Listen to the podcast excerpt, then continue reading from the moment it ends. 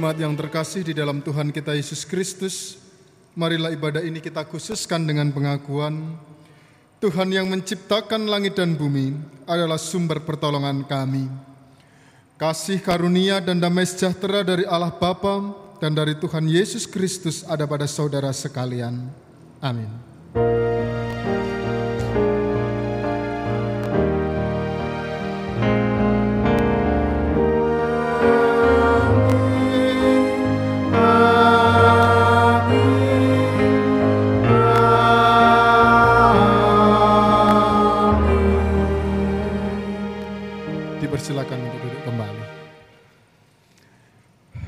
Kita bersama-sama memuji nama Tuhan kembali, hai masyurkanlah.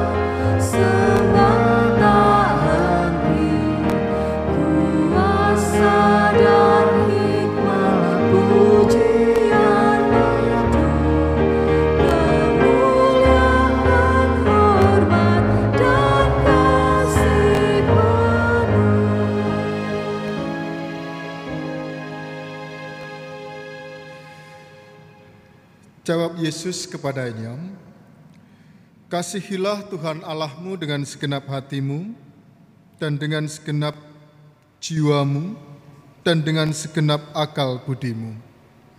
Itulah hukum yang terutama dan yang pertama. Dan hukum yang kedua yang sama dengan itu ialah, Kasihilah sesamamu manusia seperti dirimu sendiri. Pada kedua hukum inilah tergantung seluruh hukum Taurat dan kitab para nabi. Dengan mengaca pada hukum kasih ini, nyata sekali dosa kita yaitu kita tidak dapat melaksanakan hukum kasih ini dengan selengkapnya dan seutuhnya. Oleh karena itu, marilah kita pada saat ini menyesali dosa kita seraya memohon pertolongannya.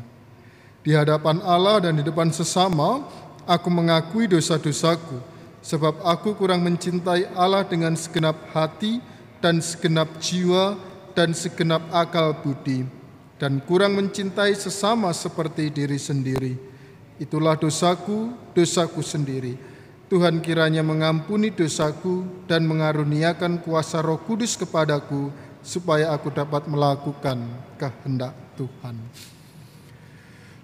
Setelah kita bersama-sama mengakui dan menyesali dosa-dosa kita di hadapan Tuhan, pada kesempatan kali ini kita bersama-sama pula akan menerima berita anugerah dan petunjuk hidup baru. Berita anugerah dan petunjuk hidup baru yang kita terima pada saat ini diambil dari kitab Titus pasal 2 ayat 11 sampai ayat 13. Titus pasal 2 ayat 11 sampai 13 yang demikian firmannya. Karena kasih karunia Allah yang menyelamatkan semua manusia sudah nyata. Ia mendidik kita supaya kita meninggalkan kefasikan dan keinginan-keinginan duniawi dan supaya kita hidup bijaksana, adil, dan beribadah di dalam dunia sekarang ini dengan menantikan penggenapan pengharapan kita yang telah penuh bahagia dan penyataan kemuliaan Allah yang besar dan juru selamat kita, Yesus Kristus. Bapak, Ibu, dan saudara-saudara yang terkasih di dalam Tuhan, berita anugerah dan petunjuk baru yang kita terima pada saat ini mengingatkan kembali bahwa karena kasihnya kita beroleh keselamatan. Oleh karena itu Tuhan menghendaki agar kita dapat hidup dalam kebijaksanaan. Sehingga setiap pengambilan keputusan yang boleh kita lalui, itu semua dapat berkenan bagi kemuliaan nama Tuhan. Marilah kita respon berita anugerah dan petunjuk baru ini dengan nyanyian Ku perlukan juru selamat, kami mohon jemaat berdiri. Perlukan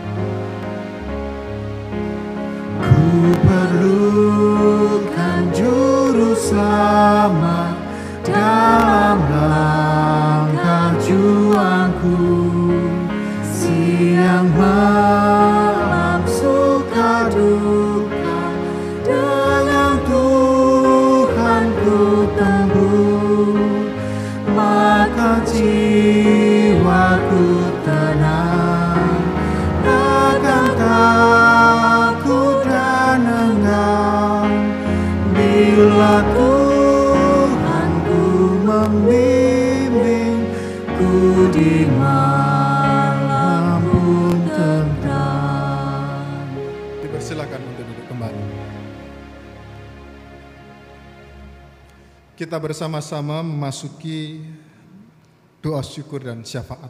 Mari kita berdoa. Ya Tuhan Allah Bapa Surgawi, di sore petang pemberian Tuhan saat ini, kami mengucap syukur karena penyertaan-Mu menjadikan kami boleh ikut ambil bagian di dalam ibadah di GKJ Mergangsan. Kami meyakini bahwa di dalam kehidupan kami hari lepas hari, Tuhan juga senantiasa menyertai. Sehingga ketika kami boleh berbeban berat, penyertaan-Mu memampukan kami untuk dapat menjalani setiap pergumulan itu, serta dapat melihat kehendak-Mu menjadi nyata atas kehidupan kami. Oleh karena itu pada saat ini kami hendak bersyukur dalam segala hal, karena dalam segala hal Tuhan hadir di tengah-tengah kami. Kami mengucap syukur atas jemaat pemberian-Mu, jemaat GKJ Mergangsan, yang hingga pada saat ini boleh menjadi gereja yang tetap berdiri untuk menjadikan nama Tuhan dimuliakan melalui setiap pelayanan di tengah-tengah lingkup gereja ataupun di tengah-tengah lingkup masyarakat. Pakai gerejamu yang ada di sini, sehingga melalui gerejamu yang ada di sini, nama Tuhan senantiasa dimuliakan. Melalui setiap program-program yang dilakukan di tengah pandemi COVID-19, melalui setiap pelayanan yang boleh kami nyatakan, biarlah itu dapat menjadikan wujud rasa syukur kami atas anugerah keselamatan yang telah Tuhan berikan dalam kehidupan kami. Dan ketika kami boleh menghayati bahwa setiap pelayanan yang kami lakukan merupakan ungkapan syukur, maka damai sejahtera Tuhan boleh nyata atas kehidupan kami. Oleh karena itu pada saat ini kami mau menyerahkan setiap warga jemaat GKJ Mergangsan dalam tangan kasih Tuhan, baik kami yang aktif dalam pelayanan, baik kami yang terlibat di dalam tim multimedia, baik kami yang terlibat di dalam kemajelisan ataupun komisi bidang, song leader, organis, serta pelayanan-pelayanan yang lainnya yang belum dapat kami sebutkan satu persatu. Biarlah kasih setia Tuhan dinyatakan, dan biarlah setiap pelayanan yang kami lakukan hanyalah untuk kepujian nama Tuhan. Tak lupa saat ini kami juga ingin berdoa untuk panitia pembangunan ataupun yang pada saat ini boleh merencanakan program gereja ke depan. Tuhan kiranya memberkati dan biarlah melalui setiap apa yang boleh dilakukan di tengah-tengah GKJ Mergangsan, semua dapat mencerminkan kasih Tuhan. Bagi saudara kami yang ada dalam kondisi sakit, kami tidak dapat menyebutkan satu persatu, tapi kami meyakini bahwa Tuhan hadir, Tuhan mengetahui apa yang boleh dirasakan oleh saudara kami, sehingga pada saat ini kami hanya memohon biarlah kasih-Mu dinyatakan melalui perawatan medis, melalui orang-orang yang ada di dekatnya, hingga saudara kami dapat menghayati bahwa di dalam kondisi sakit fisik, kasih Tuhan tetap nyata dalam kehidupannya, dan hal itu juga dapat menjadikan saudara kami mengucap syukur hanya kepada Tuhan Yesus Kristus. Ya Allah, saat ini kami juga hendak berdoa untuk bangsa Indonesia di tengah pandemi COVID-19, di tengah proses vaksinasi, di tengah bencana alam yang terjadi di berbagai tempat di Indonesia, baik itu erupsi Merapi, banjir, tanah longsor ataupun yang lainnya. Tuhan kiranya memberkati setiap korban bencana alam sehingga saudara-saudara kami dapat melihat kuasamu, sehingga saudara-saudara kami pun juga dapat belajar memetik hikmah di balik setiap perkara hingga dengan demikian dapat menjadikan kuasa Tuhan dinyatakan dan saudara kami juga mempunyai pribadi yang dapat melihat kehendak Tuhan. Berkati, berikan kekuatan, kesehatan, agar saudara-saudara kami Tuhan mampukan untuk dapat menjalani hari-harinya dengan penuh syukur. Dan tak saat ini kami pun juga hendak menaikkan doa seruan pribadi kami. Tuhan kiranya mendengarkan apa yang menjadi doa seruan pribadi kami ini.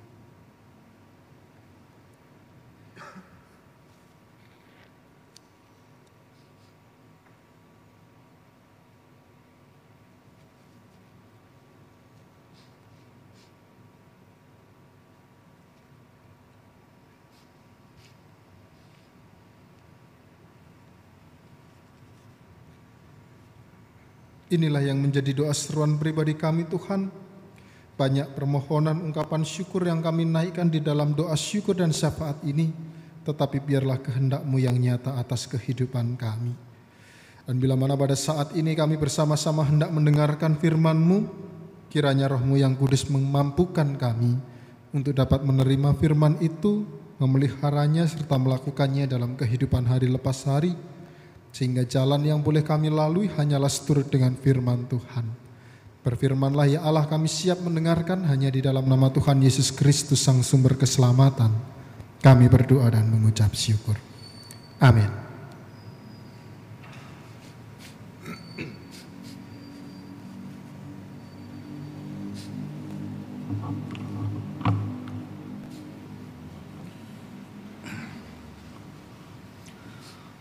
Bacaan pertama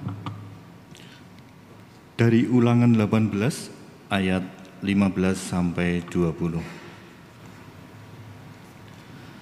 Seorang nabi dari tengah-tengahmu, dari antara saudara-saudaramu sama seperti aku, akan dibangkitkan bagi oleh Tuhan. Tuh, oh, kami ulangi, akan dibangkitkan bagimu oleh Tuhan Allahmu dialah yang harus kamu dengarkan. Tepat seperti yang kamu minta dahulu kepada Tuhan Allahmu di Gunung Horeb, pada hari perkumpulan dengan berkata, tidak mau aku mendengar lagi suara Tuhan Allahku, dan api yang besar itu tidak mau aku melihatnya lagi, supaya jangan aku mati. Lalu berkatalah Tuhan kepada kepadaku, apa yang dikatakan mereka itu baik.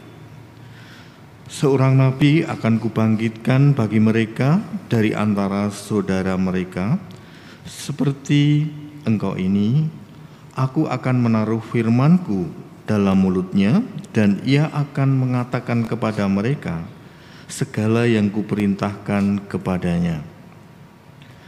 Orang yang tidak mendengarkan segala firmanku yang akan diucapkan Nabi itu demi namaku. Daripadanya akan kutuntut pertanggungjawaban. Tetapi seorang Nabi yang terlalu berani untuk mengucapkan demi namaku, perkataan yang tidak kuperintahkan untuk dikatakan olehnya, atau yang berkata demi nama Allah lain, Nabi itu harus mati. Demikian sabda Tuhan. Syukur kepada Allah. Kita lanjutkan kembali bacaan Injil Yesus Kristus yang akan kita terima pada saat ini diambil dari Injil menurut kesaksian Markus pasal 1 ayat 21 sampai dengan ayatnya yang ke-28. Injil Markus pasal 1 ayat 21 sampai 28. Judul dalam perikop yang akan kita renungkan bersama adalah Yesus dalam rumah ibadat di Kapernaum. Demikian firmannya. Mereka tiba di Kapernaum. Setelah hari Sabat mulai, Yesus segera masuk ke dalam rumah ibadat dan mengajar.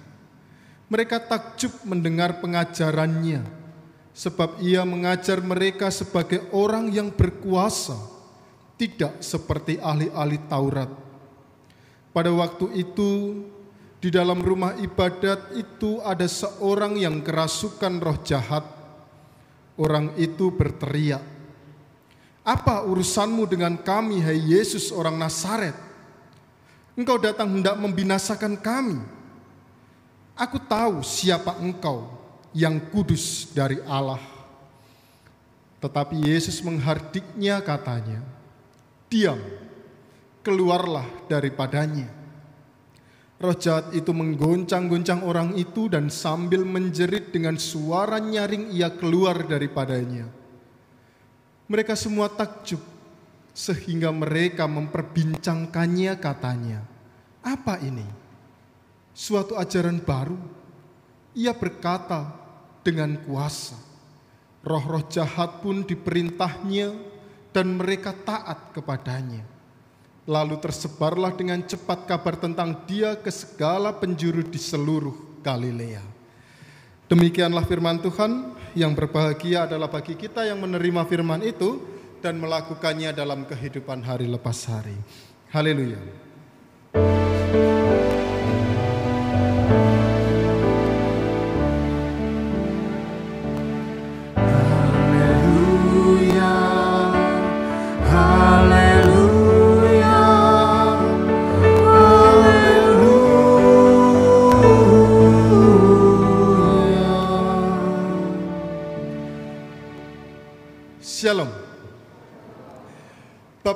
Saudara-saudara yang terkasih di dalam Tuhan, tema kita pada saat ini adalah bijak dalam bertindak.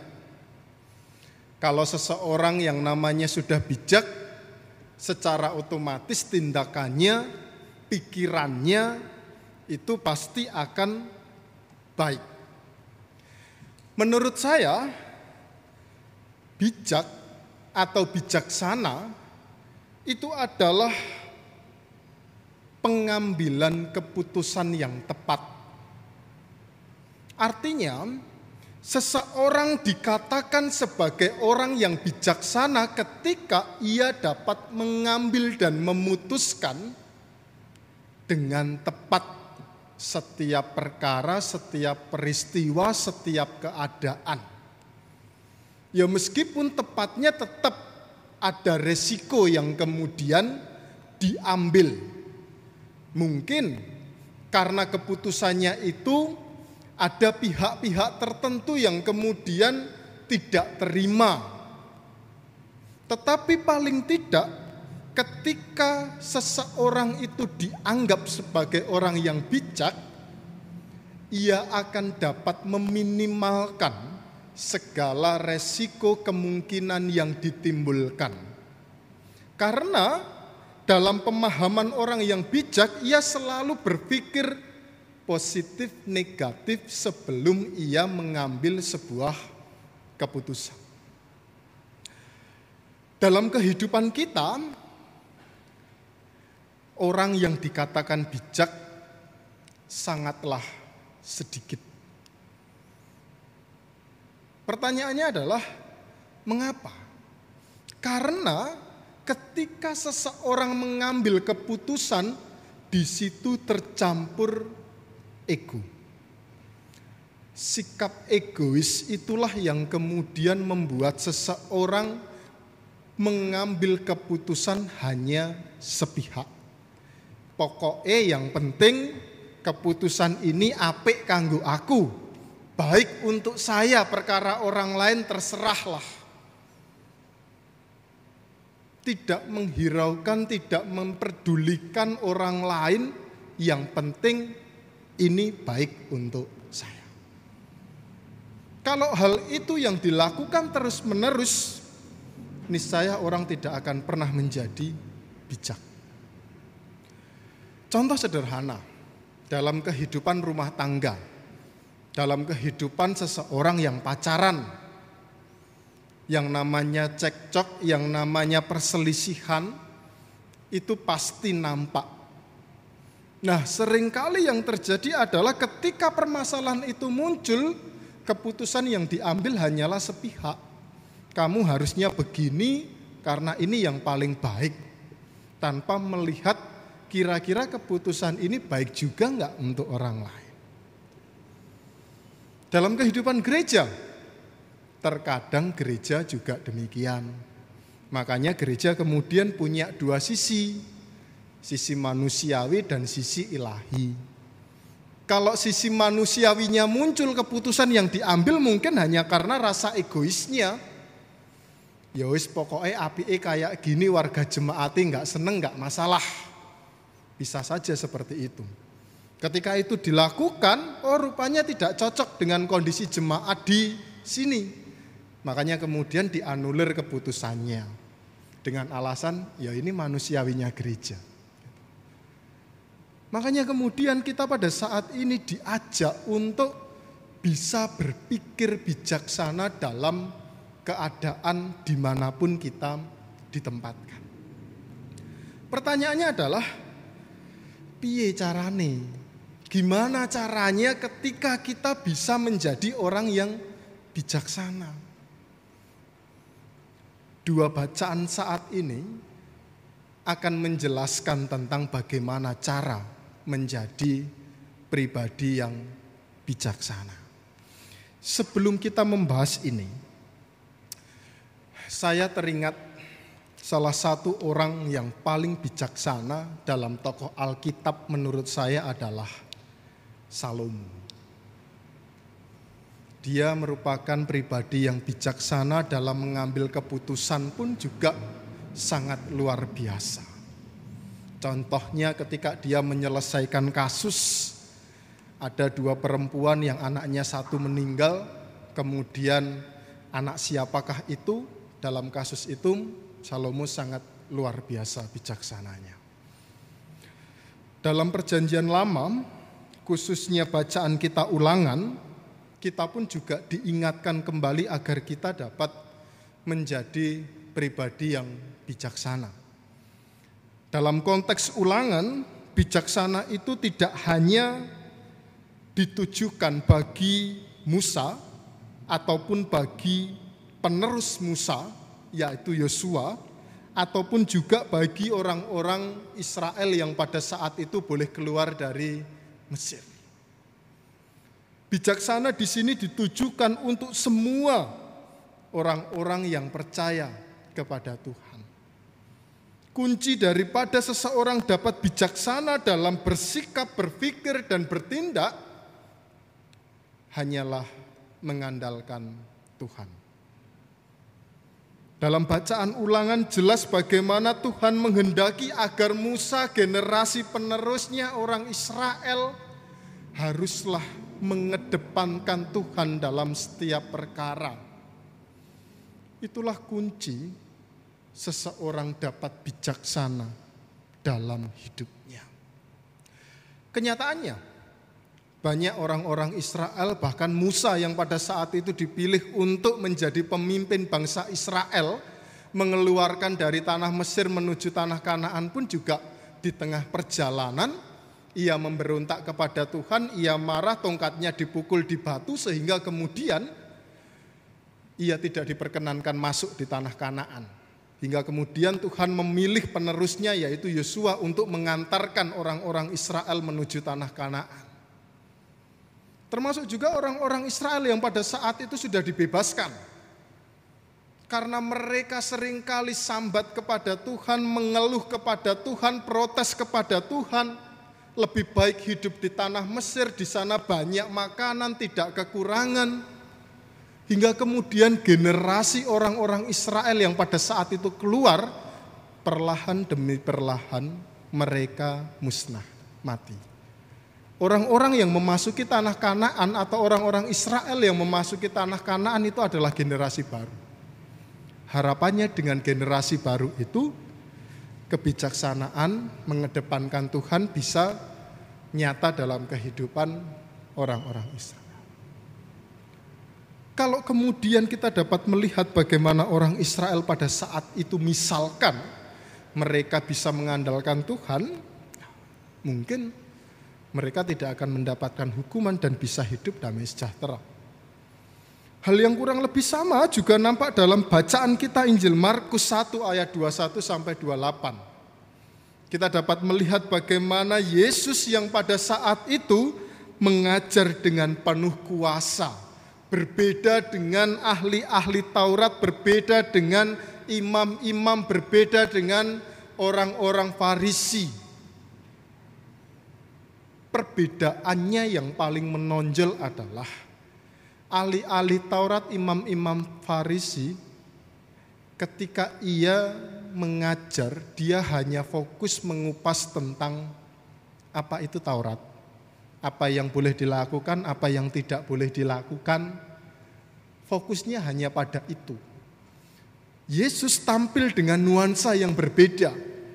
Ia mengajar tentang bagaimana Allah berkuasa, bagaimana Allah itu luar biasa agung bagaimana Allah itu penuh kasih, bagaimana Allah itu besar dan sebagainya. Hingga dari situ kemudian membuat orang menjadi takjub. Berbeda ya pengajaran Yesus. Ditambah lagi kita dapat melihat dalam cerita itu ada orang yang kerasukan roh jahat, kemudian Yesus menghardiknya, menyembuhkan orang itu semakin takjublah orang-orang yang ada di saat itu. Kita dapat melihat bahwa Yesus adalah pribadi yang sangat bijaksana. contoh kebijaksanaan yang sangat nampak dalam pribadi Yesus itu berkaitan cerita membayar pajak. Ketika Yesus ditanya apakah seseorang boleh membayar pajak, kemudian ia meminta agar menunjukkan koin. Itu adalah bentuk kebijaksanaan. Dalam contoh yang lain, banyak hal. Termasuk ketika Yesus menyembuhkan seseorang yang sakit di hari Sabat. Banyak orang Farisi yang komplain, tetapi kemudian Yesus mengatakan orang-orang juga melepaskan ternak lembunya. Itu merupakan bentuk kebijaksanaan. Nah, pada saat ini kita diajak bersama agar kita dapat meneladani sikap Kristus yang senantiasa menumbuhkan rasa bijak dalam kehidupan kita. Sehingga setiap keputusan yang diambil semuanya dapat baik. Adapun yang tidak setuju dengan keputusan itu paling tidak juga dapat melihat hikmah di balik keputusannya. Caranya ya dengan menimbang positif negatif setiap apa yang hendak kita putuskan. Bagaimana dengan kita? Apakah ketika kita mengambil keputusan sudah menimbang positif negatif resiko yang dimunculkan atau hanya ego kita wis pokoknya yang penting ini dan yang terpenting adalah Ketika kita menghendaki menjadi pribadi yang bijak, andalkanlah Tuhan. Karena kehendak Tuhan senantiasa membawa damai sejahtera dalam kehidupan kita. Tuhan memberkati saat teduh pagi kita.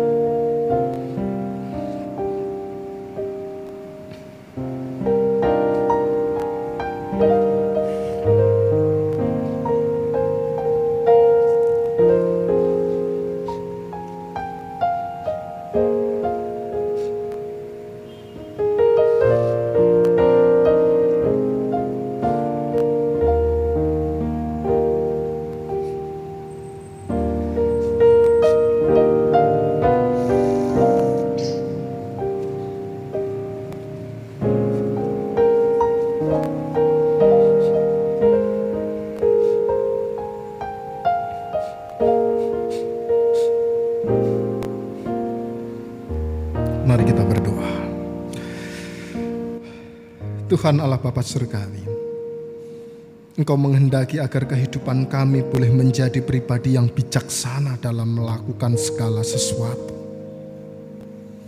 Kebijaksanaan itu dapat kami raih ketika kami boleh mempertimbangkan positif negatif, resiko yang dimunculkan dalam pengambilan keputusan dan yang menjadi lebih penting adalah bagaimana kemudian kami dapat mendasarkan itu semua di dalam pribadi Tuhan.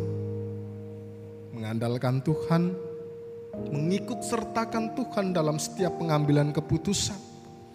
Sehingga dengan demikian, rohmu yang kudus memampukan kami untuk dapat memilih keputusan yang bijak dan meminimalkan segala kemungkinan resiko yang dimunculkan. Mampukan kami untuk dapat melakukan firman-Mu. Mampukan kami untuk dapat meneladani sikap pribadi Tuhan Yesus Kristus. Hanya di dalam nama Tuhan Yesus Kristus kami berdoa. Amin. Bapak, Ibu, dan saudara-saudara yang terkasih di dalam Tuhan, saat ini kita bersama-sama akan mengikrarkan pengakuan kita. Oleh karena itu, kami mohon jemaat berdiri.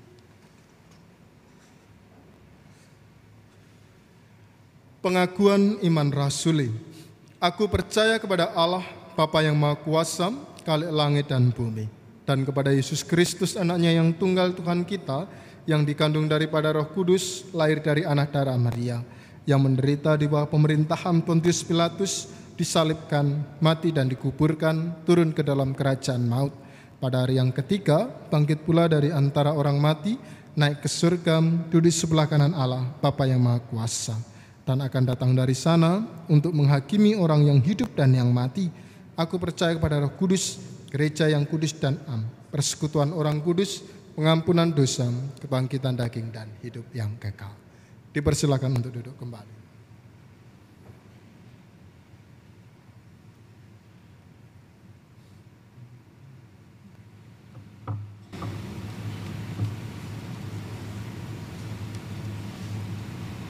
Jemaat sekalian, kiranya persembahan yang kita berikan di awal ibadah tadi atau yang akan kita berikan setelah ibadah selesai adalah ungkapan rasa syukur kita dan merupakan tanggapan kita terhadap firman Tuhan yang kita baca dari Mazmur 116 ayat 12 sampai 13. Bagaimana akan kubalas kepada Tuhan segala kebajikannya kepadaku? Aku akan mengangkat piala keselamatan dan akan menyerukan nama Tuhan. Tempat persembahan disediakan di depan pintu masuk. Nyanyian persembahan diiringi dengan pujian Kidung Jemaat 403 bait yang pertama dan kedua.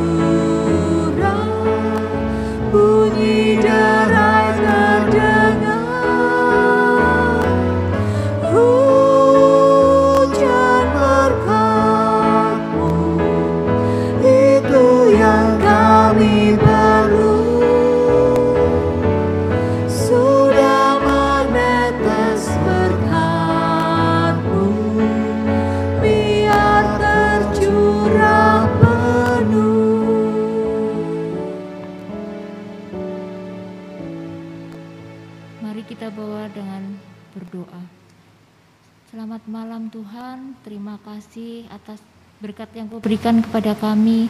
Kami di sini dapat mengumpulkan persembahan tidak hanya melalui persembahan uang, tapi melalui hati dan pikiran kami. Kami mau memberikan yang terbaik di dalam kemuliaan-Mu. Tuhan Yesus, biarlah persembahan ini dapat dikelola dengan baik dan untuk memuliakan namamu. Terima kasih juga Tuhan untuk firman yang kau berikan melalui Bapak Pendeta Hendra Kurniawan. Kiranya firman yang kau berikan kepada kami tidak hanya kami dengar, tetapi dapat kami lakukan di dalam kehidupan kami sehari-hari. Sehingga kami dapat bijaksana dalam bertindak dalam mengambil sebuah keputusan. Tuhan Yesus, sebentar lagi kami akan pulang ke rumah kami masing-masing. Engkau sertai, Engkau berkati, sehingga sampai di rumah dengan keadaan selamat. Terima kasih Tuhan, doa yang kami berikan, kami ucapkan ini, yang telah kau ajarkan doa Bapa kami. Bapa kami yang ada di surga, dikuduskanlah namamu, datanglah kerajaanmu, jadilah kehendakmu. Berikanlah kami pada hari ini makanan kami yang secukupnya, dan ampunilah kami akan kesalahan kami, seperti kami juga mengampuni orang yang bersalah kepada kami. Dan janganlah membawa kami ke dalam pencobaan, tetapi lepaskanlah kami daripada yang jahat, karena engkaulah yang mempunyai kerajaan dan kuasa dan kemuliaan sampai selama-lamanya. Amin.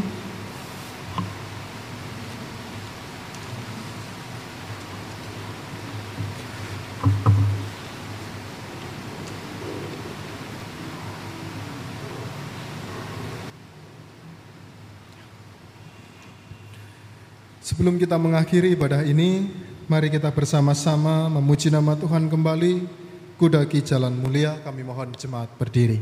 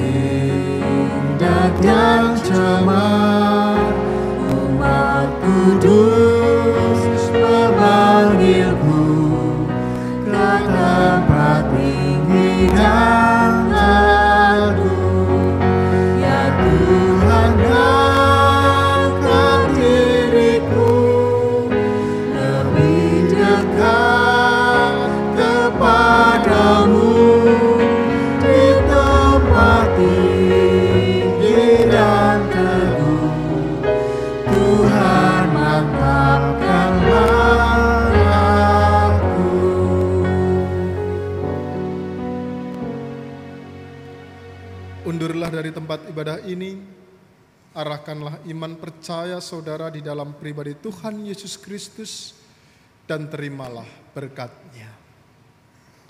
Tuhan memberkati saudara dan melindungi saudara. Tuhan menyinari saudara dengan wajahnya dan memberi saudara kasih karunia.